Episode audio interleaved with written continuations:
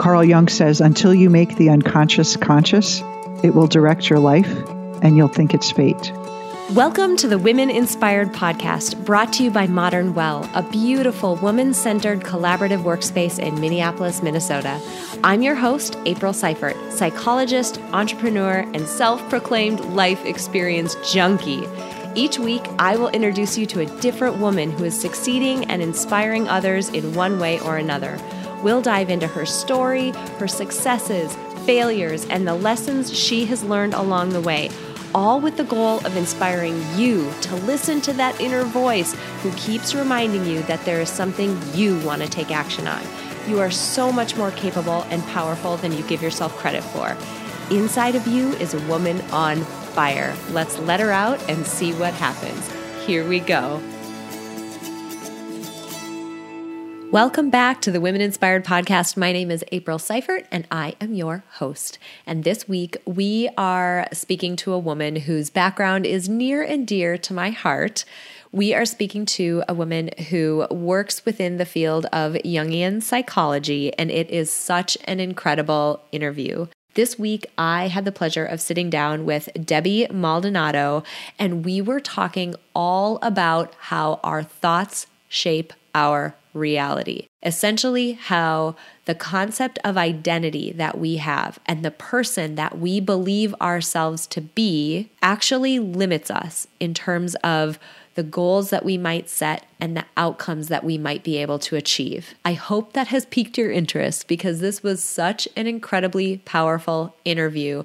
And I hope by listening to this interview, you walk away with an absolute belief, or even just the beginnings of a belief, of the incredible power and the incredible ability that and opportunity that lies within you. You absolutely are bigger and bolder and more amazing than you give yourself credit for. And I hope this interview convinces you of that and gives you some ways that you can move forward into that bigger, bolder, more amazing version of yourself. Debbie, I am so excited that you were able to join us today. I know a little bit about your background, and I think this is going to be awesome. Well, I am so glad to spend some time with you, April.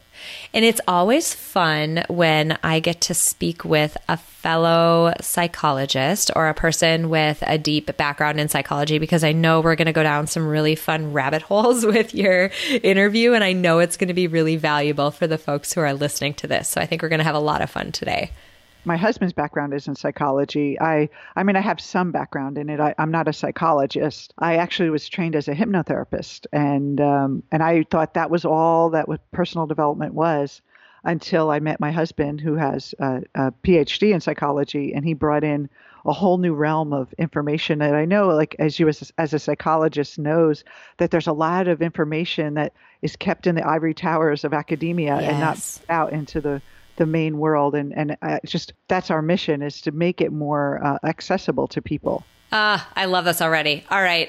I love this already. Let's start at the right place. Help us get to know you a little bit. Tell us a little bit about your background. You're already giving us some really great nuggets um, but help us get to know you a little bit better. Well, I started out uh, in my personal development journey really just looking for love. Uh, in my early 20s, I just all my friends got married. I was wondering where am I, you know, how am I going to find the love of my life? And uh, my friend gave me the book You Can Heal Your Life by Louise Hay. And that was the first time I heard that my thoughts create my life. And before that, I mm-hmm. thought it was just up to God. And when He bestows a husband on me, it'll be fine. And I, it just opened up this whole new realm for me. And I just read tons of books. And it was I was in my early 30s and still haven't found the right person. And kept reading and kept learning. And um, I even got engaged in my mid 30s, and that obviously didn't work out. Um, and then um, I, at the same time, I started just asking, it just started having me ask these deep questions of what is my life about? What is my purpose? You know, what's uh, as a woman, like, do I have to get married? You know, why, why is it such a negative thing if you're single at 40? And, you know, just asking all those questions. And then all of a sudden, um, I got laid off from my corporate job, and a friend of mine was a coach, and she said, "Why don't you try like hypnotherapy? Why don't you become a hypnotherapist?" And so I love working with the mind and and understanding like thoughts create your life, and so I, I trained as a hypnotherapist, and I did that for about a year. and um, and then I met my husband to be Rob, and he opened me up to this whole other realm of psychology that I had not seen before. A lot of personal development is, you know, kind of the basics. I mean, if you think about it, everything you hear pretty much sounds the same. And he introduced me to Jungian psychology and this other part of our mind that we're, that we're unconscious of that I really saw in hypnotherapy as just like a program to change. And he was saying the unconscious is really very creative and it's showing us dreams and it's showing us uh, giving us direction and it's a more of an active dynamic part of ourselves than um, than I realized and so he took me down this rabbit hole of of uh, of uh, the individuation process and understanding how it works. And I said, "Can we teach this to?" I, I was helping single people after I met him find love, and uh, and so he started teaching with me, and then um, eventually I took him away from his psychology work and he ended up working and doing personal development training with me. And we coached tra- uh, coaches in the, the Jungian coaching model. And um, and now we work together. And it's just been an incredible journey of transformation for myself but also just witnessing women. That's who we focus on and that's why i love being on your show is really having women feel empowered that there's nothing wrong with them that if we just learn to use our minds we can really create anything we want in our life. And it's not always about healing the past it's about realizing who we really are. Oh my goodness. We're gonna have so much fun. This is awesome. I'm really excited.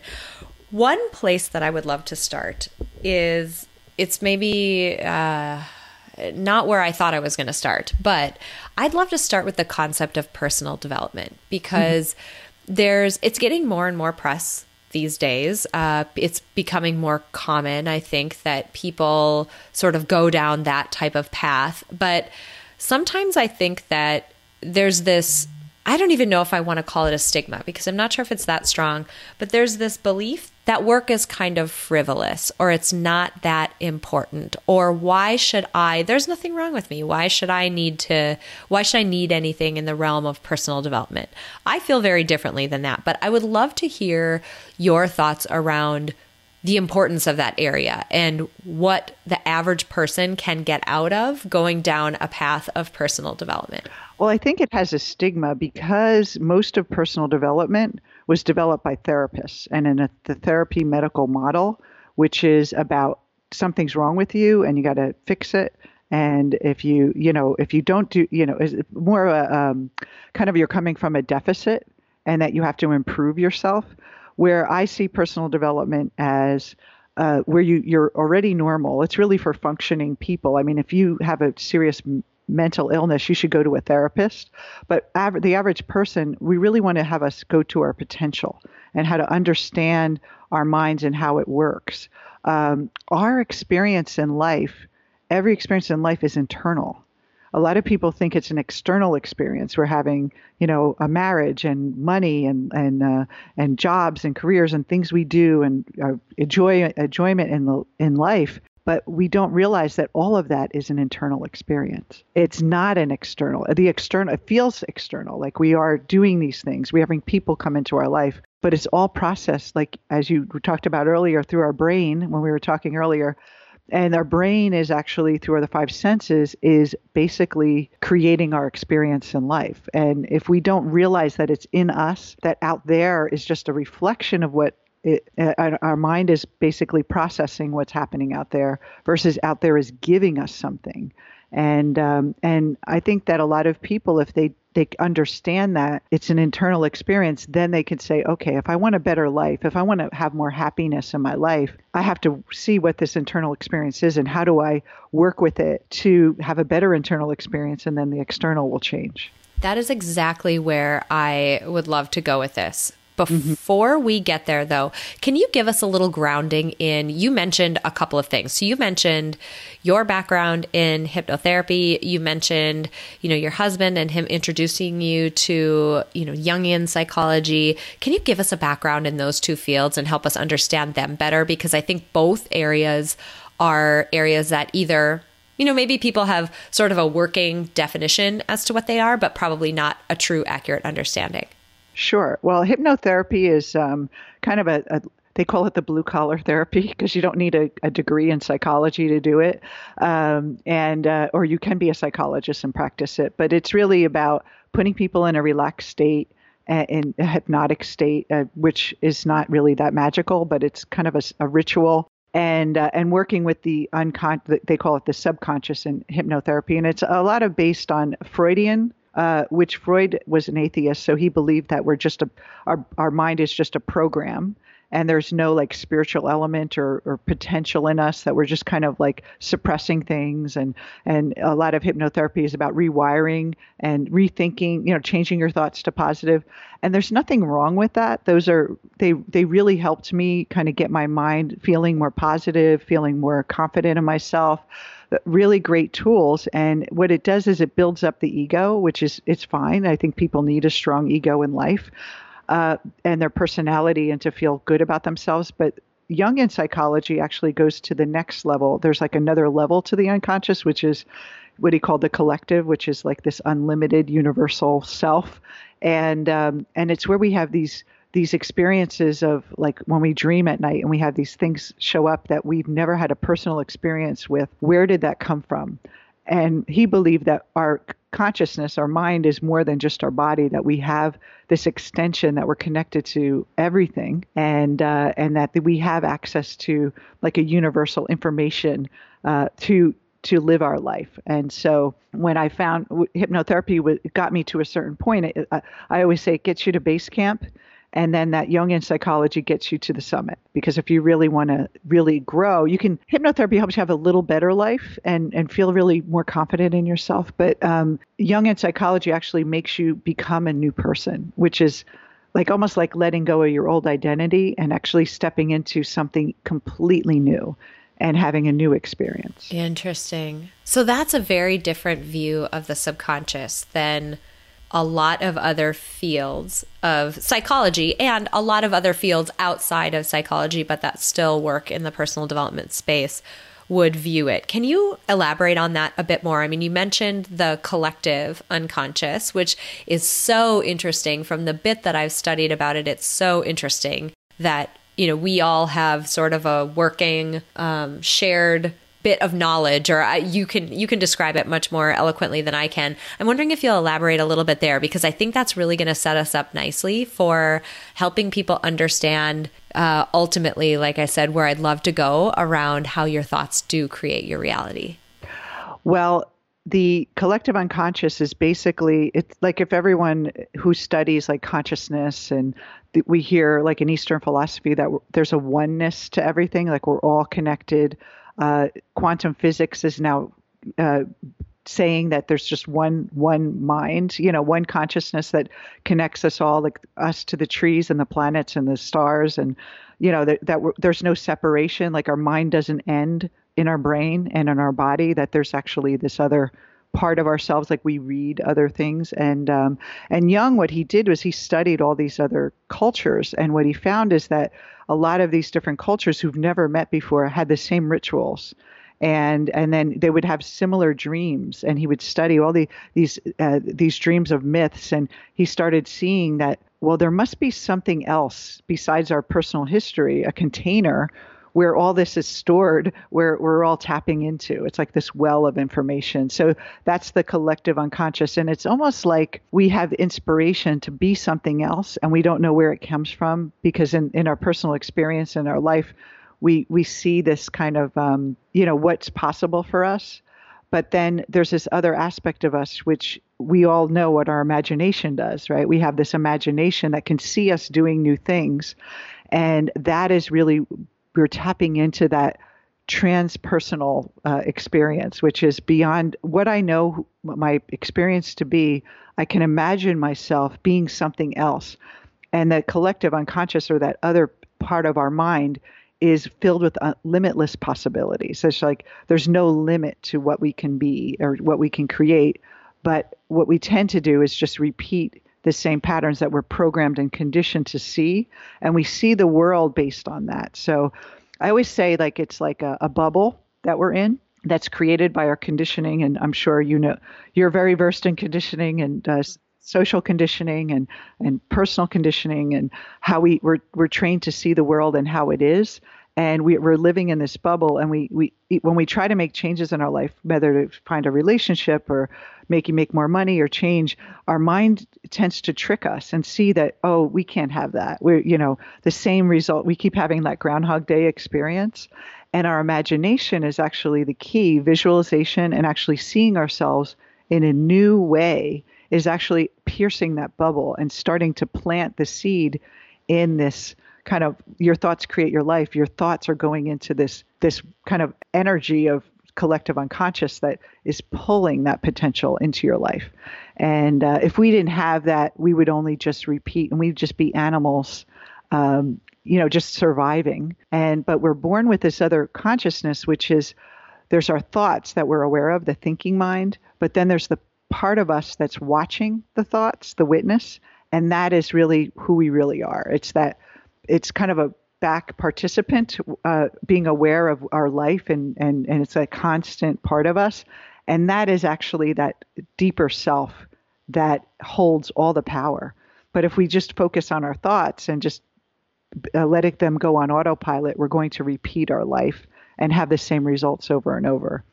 There is an interesting example and elaborate on this. Jump in here and elaborate on this if if you have pieces to add to this that i want to throw out there before we move on from where we're at right now. Because i think there's an example that i can give that will resonate with folks who are listening to this.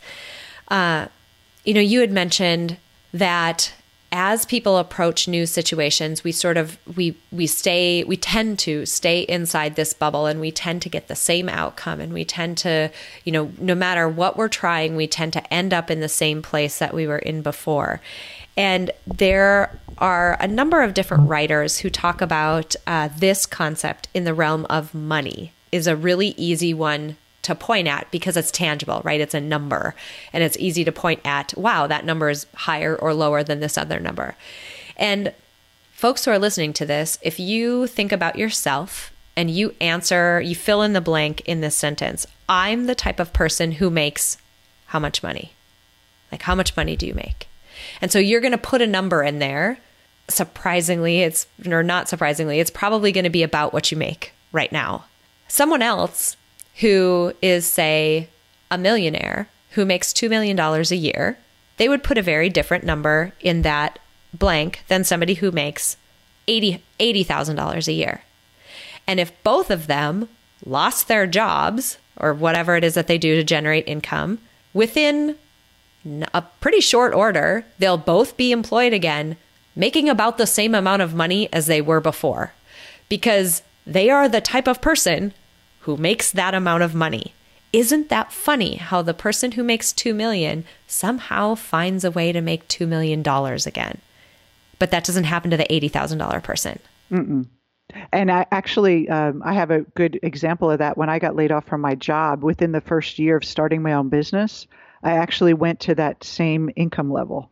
I, I replaced wow. I tell a lot of my clients that have really good good jobs corporate wise, and they're like, "Oh, I'm afraid to leave and yeah. start my business." You're going you're going to resonate with, at least with that minimum because it's a default, and you know, um, I, I that's a really great example because how it works is that we have a personal identity and connection to everything that we have in our life. Like it's like yes. the I.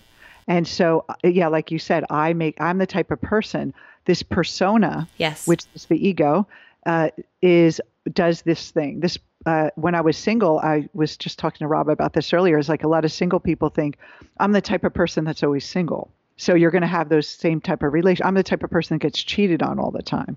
I'm the type of person that people always try to rip off. So or that can't hang on to money. Um, I have another great metaphor that talks about the, this collective or our potential is that we are living in this gigantic mansion, but we're limited right now to this little tiny room, not realizing that there's there's more to our, our house than that. We're in this tiny room in the corner, maybe in the basement, without any windows, and we're thinking this is all there are, all there is. When we're surrounded by this giant mansion that we can move around in, and what's possible for us, and but we tend to, as human beings, we're conditioned to see in the bubble and stay the same. And you know, when you say your thoughts create your life, they do. But a lot of people, the problem is they don't know how to work with their mind. They don't know how to. They don't understand that if if their imagination can take them to another place, they can they can change their reality. Okay. Woo. Okay. So we're there now. All right. We're like we're like squarely there. I feel like we've done I've done the appropriate background. I feel like people have a good grounding. We've got a good working example. We're in a good place. Uh, I wanted to make sure that we set those those pieces up for people because the conversation we're about to have is so incredibly important. I wanted people to be in the right headspace and understand this well enough that what's coming will really resonate. And also, I'll say too, when I left my corporate job, when I moved into this entrepreneurial world, I made exactly the same amount of money as I did in my last corporate job, minus three months because I was on maternity leave. But if you took the revenue that I made that year, averaged it out over, you know, the nine months that I worked, and then turned that into 12, it was exactly the same amount of money. Isn't that funny? It is. Yes. And it, you know, I would add something that um, a lot of women will build up big. They'll build up businesses and they'll look, focus on their gross revenue of their business. And if they really looked at the numbers, they would look at all the money they're spending on advertising and on you know fulfillment and um, coaching and and then if they really looked at the numbers of how much they're really making in income, it probably will match their corporate money. So it may feel like an illusion that they're making even seven figures. I know a lot of women that make big money and then they looked at their numbers and they were like, "Oh my, I'm only making 150,000 a year." They net the same. so yeah, and so it really you have to. It could be very dis, it, it could be very tricky how it the pattern still happens, and we are so um, our mind is really powerful. I've seen this happen so many times. So but we can change it. That's the thing. We have to wake up and change it. I love it. And so much of it is just, you know, we talked about this concept of identity. I'm the type of person who, and we learn that. We learn who we are through a variety of different situations we find ourselves in, people we interact with, how our lives play out up until this point, how, wherever we all may find ourselves at. Um, we develop that identity when, in the simplest of terms, it's simple to say it is not easy to implement necessarily. You just have to be a different person. Like, change that identity, be someone else. And that's where I'd love to take this next. Talk to me a little bit about this concept of our thoughts shaping our reality. Well, it's um, it, it really is. If you think about our experience again our internal experience our mind is constantly narrating our life. So if it's if it's narrating that i'm not making enough uh, i'll never make uh, i'm always in debt i'm uh, you know susie can make uh, be successful but i can't. Um, no matter what i do doesn't work. Um, that story basically gets played out externally and it's not like uh, like this magical like law of attraction like ooh this the thought goes out there and it's like has energy to it and it attracts things out there and pulls them in. It's actually it for it it actually shapes what you're seeing. So the internal dialogue the internal narrative will shape what you see. And we've they've done studies with this where people um, what they perceive uh, perception studies. And if you um, here's a great example. They, I'm sure you know about this experiment where they brought people in and they had one line that was short and one line that was obviously longer. And everyone else in the group was, uh, there was like one subject in there and everyone else was kind of placed in there. And all the other people agreed that the shorter line was the long line. And the one person, the subject in there, because of social pressure, started to believe and see the other line, the wrong line being uh, shorter or longer, whatever it was. And it was just like the, their mind actually started to see something differently. And so if, imagine that in our life that if we're if our mind is a story is narrating uh, our perception, we're not going to be able to see or perceive opportunities. We're going to live out um, and unconsciously do behaviors that support that story. and it just uh, kind of becomes our reality. Absolutely. And I think it, you mentioned uh, the ongoing nature of our brain and our mind narrating our experience. I don't think people realize how constant this is. It's a constant thing. The interactions you're having with other people, the emails you're getting, notifications on your phone, you're in traffic, your boss, your kids, the like you're having your your mind is narrating these experiences and it literally is shaping how you're perceiving those events to be playing out. And then in turn how they feel to you and and what your own personal experience is. You know an event could be completely benign but you might not interpret it that way because of this inner monologue and this this narration that's happening, you may give it a totally different value than somebody else would. Same exact situation. It's all neutral. Every out there is neutral, and our mind. I would like talk about like our backstory. We all have this backstory, you know, that what we've been through, who we are, what we're capable of, what we're capable of earning, what, what kind of relationships we can have, and what what um, how how much we value ourselves and this personality that we're we're trying to uphold. And uh, and then we tend to look at a relationship, and then we we our personal value is dictated by that interaction. And uh, this is concept of Jung. This is might be taken a little further, which uh, not a lot of people talk about, but it's called the shadow. So when we not beyond our thinking, be we pick on a personality trait that we feel will be pleasing to others and will fit in with society. So let's use money as an example. If you were brought up that it's not good to have a lot of money, um, uh, rich people are bad, or um, that uh, you have to work hard to get money, and your personality is like this generous, nice person, and you have this persona of I, am caring and nurturing, and a lot of people that do service like coaching and, and entrepreneurial work with helping others, they have that persona that they want to like change the world and they want to be good people. And then there's a conflict because when they go out and they try to ask for money in their business, the the shadow is this greedy, um, you know, someone who's all in it for the money uh, is is coming up for them, and so they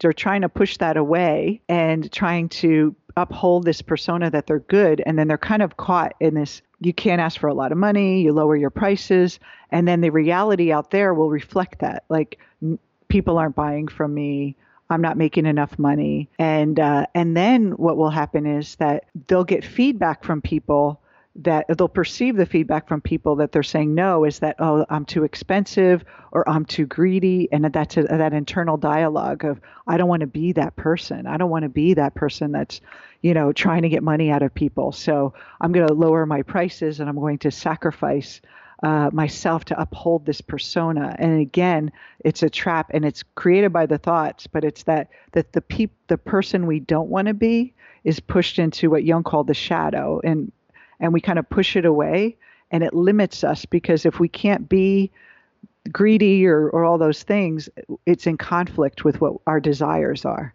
and so get caught in that trap. And so when I we work with people on the shadow, we always say, who is the most irritating person that you know? And they're like, "Oh, that girl that she's always trying to sell me stuff. She's a, that that coach that's she her prices are too high, and she's always bragging about how successful she is, and she's always, you know, um, trying to sell me." And well, what is it about that person? Well, she's greedy and she has enough already and she's taking advantage of people.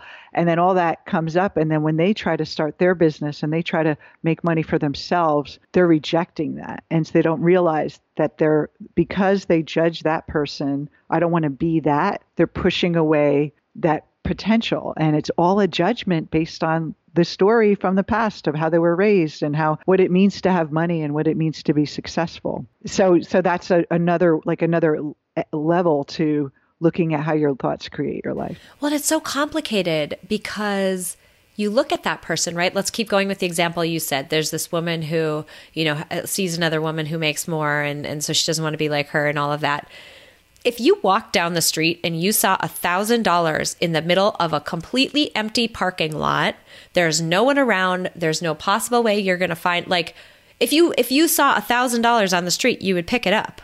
You're not a bad just because you now own a thousand dollars more you're not a bad person for it.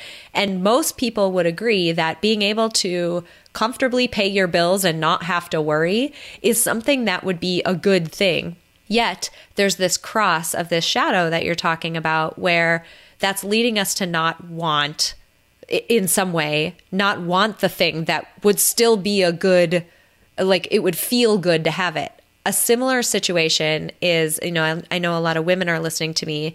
And by the way, I want you to file that away into ask for a raise next time you're talking to your boss. Like, ask for a raise. Uh, and listen to V. Bratby's interview. I don't know the number of it, but just go to my website and Google Bratby. She's a negotiation expert. She'll help you do it. Uh, but the other thing that I want to example that I want to give is a lot of women that I see, and I'm going to raise my hand because I was so this woman. I'm super her. So we'll just say me. I'm just going to say I. I'm not going to speak for anybody else. I used to carry around an identity that I was the person, and it made me a good person. I was the good, I was the person who sacrificed myself for other people. I made sure other people's needs were met at the expense of my own. Look at me, how much I can sacrifice. Look at me, how much I can give. It made me feel like I was a bigger, better person because I was doing things for other people. Now, I would get frustrated when I would see other women who also were taking care of their families and taking care of everything around them and them and seemed to do it with such ease. It's because that identity that I had was one of a martyr. I'm going to completely sacrifice myself for someone else. And it's frustrating to me that somebody else has something that I want. I would love to have ease, but yet I feel like that would make me a bad person. There's this push and pull with this shadow and our identity that is so complicated sometimes. Well, let, let me use that example because a lot of people think the shadow is a bad thing. The martyr, if your persona is a martyr, the opposite is the shadow. Yeah, that woman with ease. The yeah. woman ease, the woman that um, that uh, you know doesn't feel obligated all the time. That right. So- Look at her going to the gym and dropping her kids off at childcare. Look at her going to happy hour with her girlfriends. Yeah. And and yeah, and it's um and I think a lot of people, you know, when they hear shadow work, they think, oh, it's all the dark parts of ourselves. I want to clear. It's like no, most of what's in our shadow is our brilliance and our oh. I love and, it. Keep going. And, I love and it. And the persona that we've learned to live, and the, some people call it the ego, but the persona is really the external, like we call it the psychological clothing that we wear to, eh, you know, put on Facebook and, and uh, social media that who we are and, and, and, and relationships and that personality. But that ego is really the internal dialogue, but the persona is the external, um, kind of like the face or mask that we wear and that mask really um, limits us. It's almost like we we like for me here's a great example i'm raising my hand too is i had this example that you can't be a, a spiritual giving uh, person and wanting to help people and ask for money mm. and so i always had that conflict and i worked on it worked on it and i had this woman ask me one time she said oh i you know can i do your coach training program but I can't pay for you. What if I do you give it to me for free and then I'll pay you when I start making money? And I sent to her really nicely, no, I can't. And of course I felt a little guilt like saying no to this person who wants to learn this, but I said no, I can't. That's not fair to everyone else and if you don't pay for coaching now, how are you going to get other people to buy your coaching? Like I was trying to help her and I was very kind and she wrote back she goes, "Oh, I'm sorry, I confused you with a humanitarian.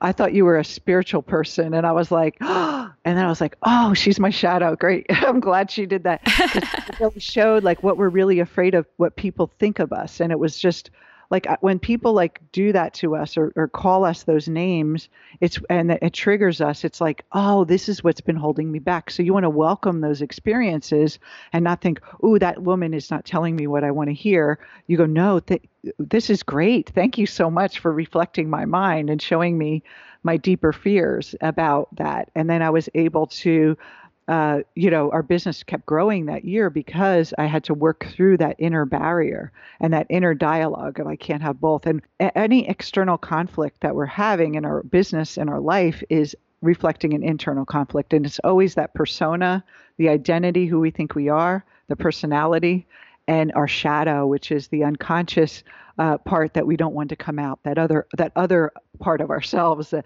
the the greedy, the selfish, all the things that our ego thinks is negative, but actually being a little selfish or being a little having more discipline or, saying no to people, it actually helps them. I think a lot of people that are people pleasers, uh, they don't realize that they're actually hurting people when you're pleasing them because you're being fake. You're not being real. You're not you're not helping them and then you're resenting them for taking advantage. So it doesn't help anyone for you to please.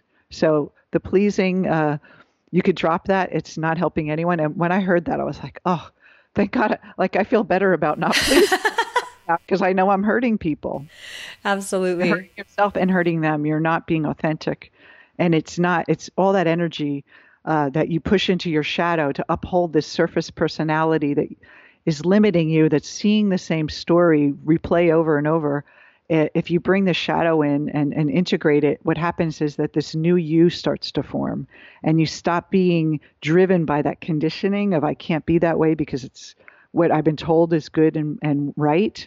Uh, you start to have more choice in your life. Do I want to charge, you know, a lot of money for that out of choice? Yeah, I'll do that or do I want to feel just an unconscious compulsion to charge lower because that's what I've been conditioned to be? And it's really, there's no right or wrong. It's really just about that personal freedom to make a choice, that it's coming from a free choice, not a conditioned response. Mm, yes.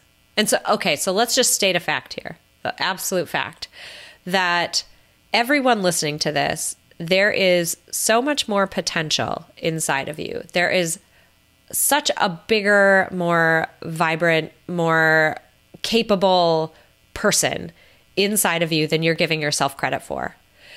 How do we step into that? How do we lose or start to start to bring those two things together, the shadow and this this persona that we're talking about? How do we start to get okay with some of those things that might you know be be aspects that we've pushed away for so long. Like how do we step into that bigger better person? Well first of all we have to know that those uh, those labels that we give ourselves selfish um, kind uh, nice um, giving abundant uh, struggling with financially poor all those things they're not really who we are. Uh, and, and, our mind is makes a story up about it and they're not really real. Like thought it doesn't have like weight to it. Like it's just a thought. It's not like a, it's not a like a a judgment a, a permanent state. Uh, our mind has millions of thoughts running through every day. So for us to identify and use that as a label and make it so so um, like it's so terrible if someone thinks I'm a bad person. Like the whole world is going to abandon me if Jane doesn't like me anymore. You know, we, we have that kind of fear of being like abandoned and, and pushed out of uh, our circles and our tribe. But um, to see that uh, those are just judgments, and, and a lot of what we judge about ourselves is internal. Like people don't think that of us. We it's more of our assumption and um, and to be okay with like taking a little spoonful of what we're afraid of. So for me, being selfish, or uh, for someone to look at me as being um, being um, greedy, uh, like not be afraid of stepping into that, like to to ask for the the, the salary you want, or the the um, the money you want in your own business, or uh, negotiating with staff, or negotiating with your boss, whether you're an entrepreneur or in the corporate world like not being afraid of just asking for what you want and being willing to step out of that old fear of what they're going to think of me that's where the, really the freedom starts. And it's by examining that that feeling of what if they thought i was greedy? And what we tend, uh, tell people to do is there's a feeling attached to that. There's a feeling attached to greed or to be selfish or a bad person or if someone leaves like doesn't like us and we just kind of sit with the feeling. We're not moving it away, we're not pushing it away, we're not agreeing with it. We're just sitting back and we're using that witness mind and just watching the story unfold. We're not trying to change it right now. We're just kind of looking at it. And what you're going to see is your mind in 3D. You're going to see your mind, and it's like, you know, in uh, Keanu Reeves in The Matrix. I know I'm dating myself with that movie, but no way. I, well, I saw it too, and I use that reference all the time. So go for it. saw the code. You know, he saw the code, and that's what you're doing. You're pulling yourself back, and you're becoming the witness to this conditioned thinking and feeling, and you're just watching your mind and just seeing how it's been really limiting your life. And if you give yourself that space, what happens is just watching it will start to transform it. It's like you're bringing in another, like I say, that collective energy that's this uh, higher self, uh, it, it, to be a better word, uh, coming in that's our potential is like looking at this programming and that the spinning of the mind. And the the way we're conditioned is through that feeling. It's to avoid that feeling. Is to push it away. So we create a persona to avoid that feeling. So if we sit with it it's like facing the dragon. It's like slaying the dragon almost. You're kind of just letting it be there without trying to fix it without trying to heal it without trying to make it better and you're just going oh, it's just sensation in my body. It's just a, a, a, feeling arising. It's a it's a sensation, and it's a story that's not true. And it's like all like you start to see that it's not really real, and that's where your mind just goes, oh. And, and, and if you're not being the witness, you're really caught up in the story, you're caught up in the emotion, and you're just kind of doing what you've always done. So that is a really quick, we call it meta consciousness, which means above consciousness or above the thinking that you take a step back and you watch, and that actually creates another more space for you to see another possibility and not get caught up in the trap. Another metaphor would be if your um, your thoughts are like a rushing river, and what we do is we tend to jump in with the this with the thought and get dragged away. And what we're doing is we're just standing on the bank of that river and watching those thoughts go by watching the emotion just get triggered and we're not doing anything. We're just watching it. And it loses its power when we don't get sucked into it. And so it's it's a discipline of mind. It's a it's one of the techniques that we teach that helps people get back in control of their mind. And that's where you have choice. When you're sucked down the river the river the past thinking the past emotional conditioning is just taking you away and repeating the old pattern. Amazing. Amazing. I heard i and I don't know who this quote originated with or whatever, and I'm probably not quoting it perfectly either, but the concept of you are not your thoughts. Your thoughts aren't, you're not, that isn't you. That they're just thoughts. They're just thoughts that your brain is having. And you absolutely can decide to have different thoughts. And the more you have those different thoughts, the more comfortable you become with them. And so, for folks who are listening to this, I would encourage you to think through a couple of a couple of questions. So, what are the reoccurring limiting thoughts that you're having? And what does the opposite one look like or feel like or the one that's not limiting? Maybe it's not quite opposite, but the one that's not limiting. And then two, you know, you Debbie, you hit on it a couple of moments ago how would your behavior or your concept of who you are, how would that differ from the way that you see it today if you knew that no one else would judge you? If no one else was going to judge you and they weren't going to pay any attention to any of it and you could be and do anything, what would you do? And who would you be? And that gets powerful because that gets to really deep underlying desires that you have that you're not letting yourself do simply because of this perception of what other people might think and the weight and importance that you're putting on again just thoughts that someone else might be having. Excellent. And i would also add that um, the thoughts that you have that you're aware of are just the tip of the iceberg. Mm. it's what's the unconscious thoughts the unconscious um, stories that you haven't you're not even aware of that's running are actually more impactful. And uh, Carl Jung says, until you make the unconscious conscious, it will direct your life and you'll think it's fate. Oh, man. So it's like becoming aware not only of your thought, the, your, the thoughts you can hear, but then like I, that exercise I just uh, give you, the more unconscious like stories are just going to start to bubble up that you're you didn't even know were connected and so you're you're just bringing more awareness of of what's underneath the surface, and that's what's going to really create change. And I also want to say that this isn't hard work. We're designed to be our true potential. There's a reason why people are listening to your podcast and our podcast. It's because they know that there's more, and they don't know how, but they know there's more, and that's where. Um, I, I want people to have faith in that, that you have an innate ability that you were born with to live beyond your personality, to live your fullest potential. It's in you. There's no magic. It's not given to just certain people, and that that's why we we we want to do personal development. This is why we seek answers because it's a part of us is actually wanting us to do this. It's compelling us to do it. And the ego is just kind of like the op- opposing force saying, "No, let's just keep the same pattern."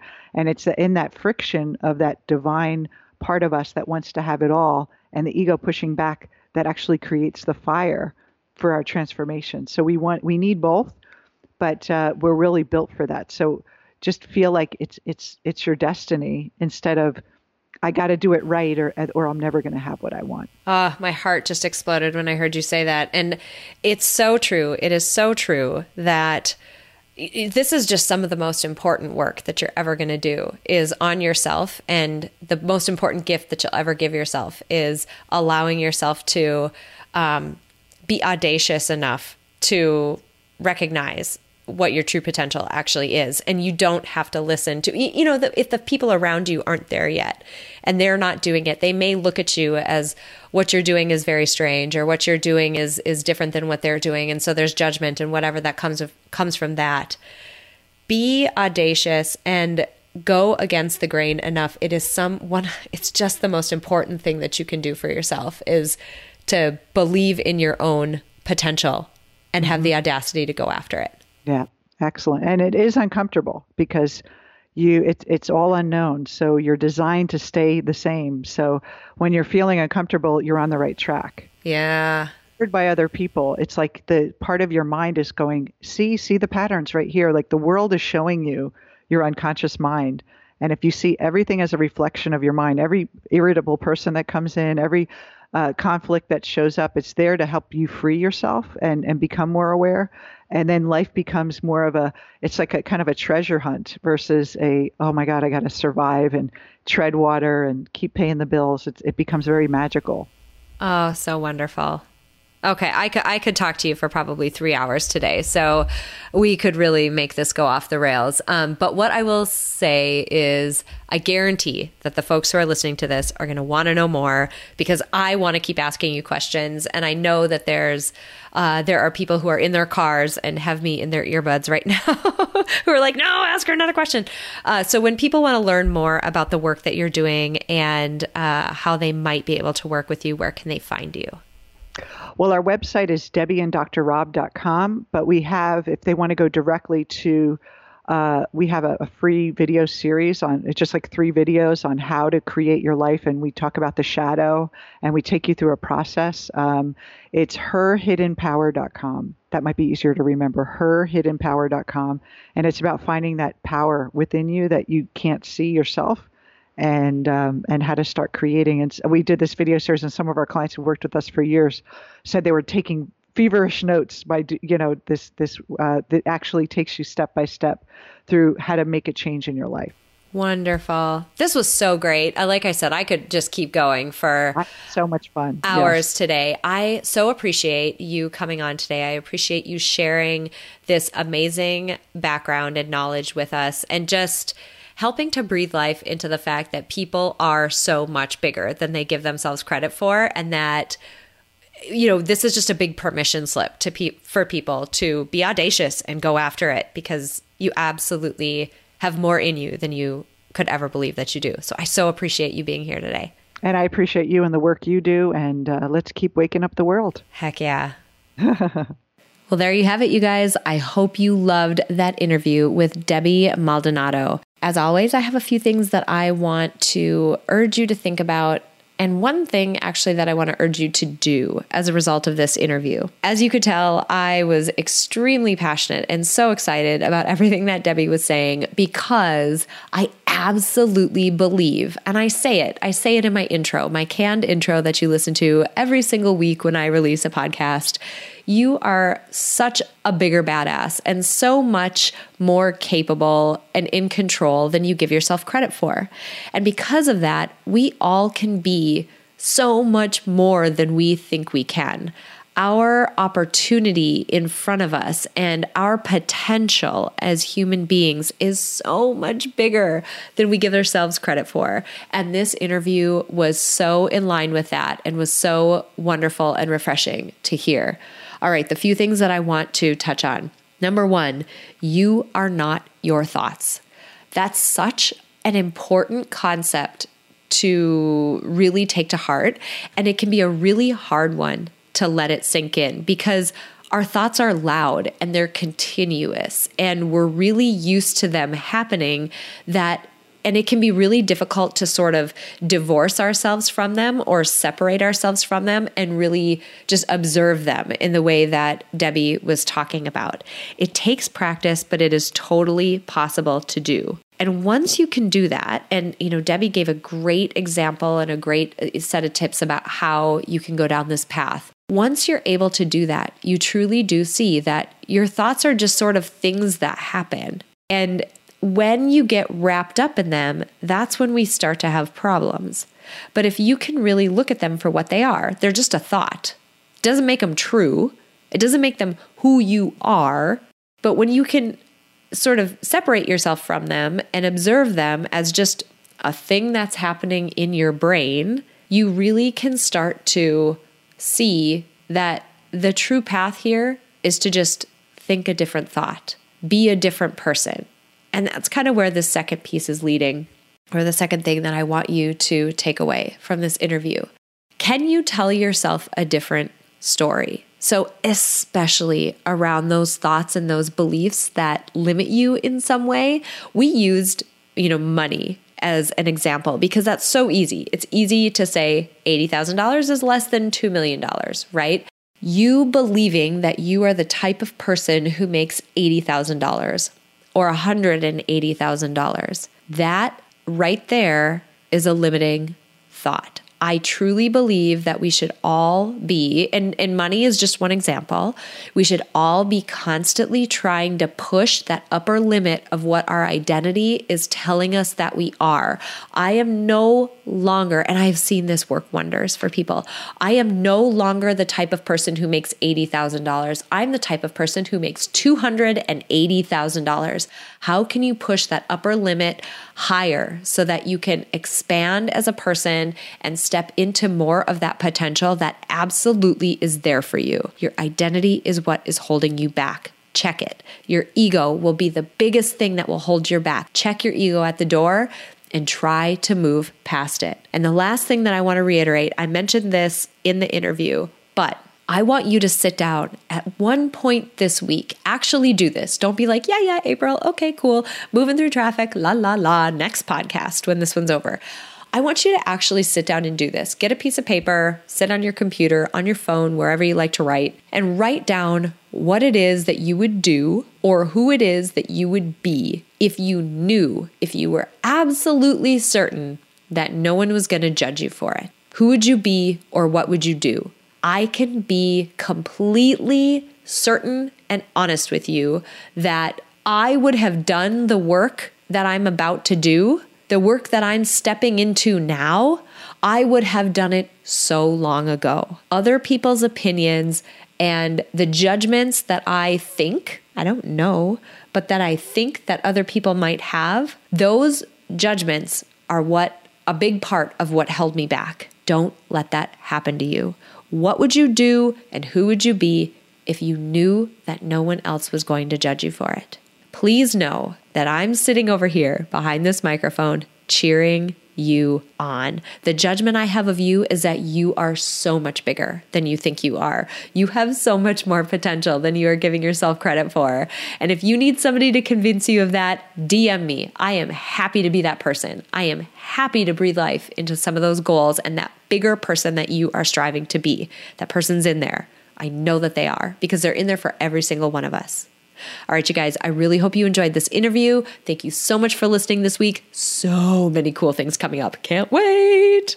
Before we close out today, I want to say thank you to my producer, Cameron Hill, and to my incredible sponsor, Modern Well. If you want to learn more about how you can reach your goals in a one of a kind work life community, visit www.modernwell.co. If you enjoyed this episode, please share it with someone else who might benefit from this inspiring message.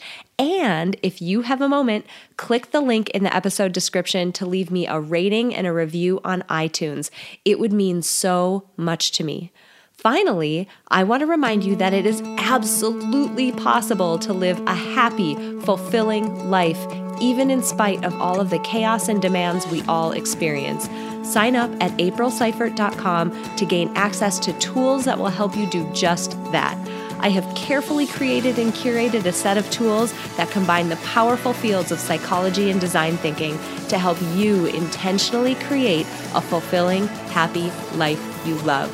Thank you so much for joining me this week, and until next week, stay inspired.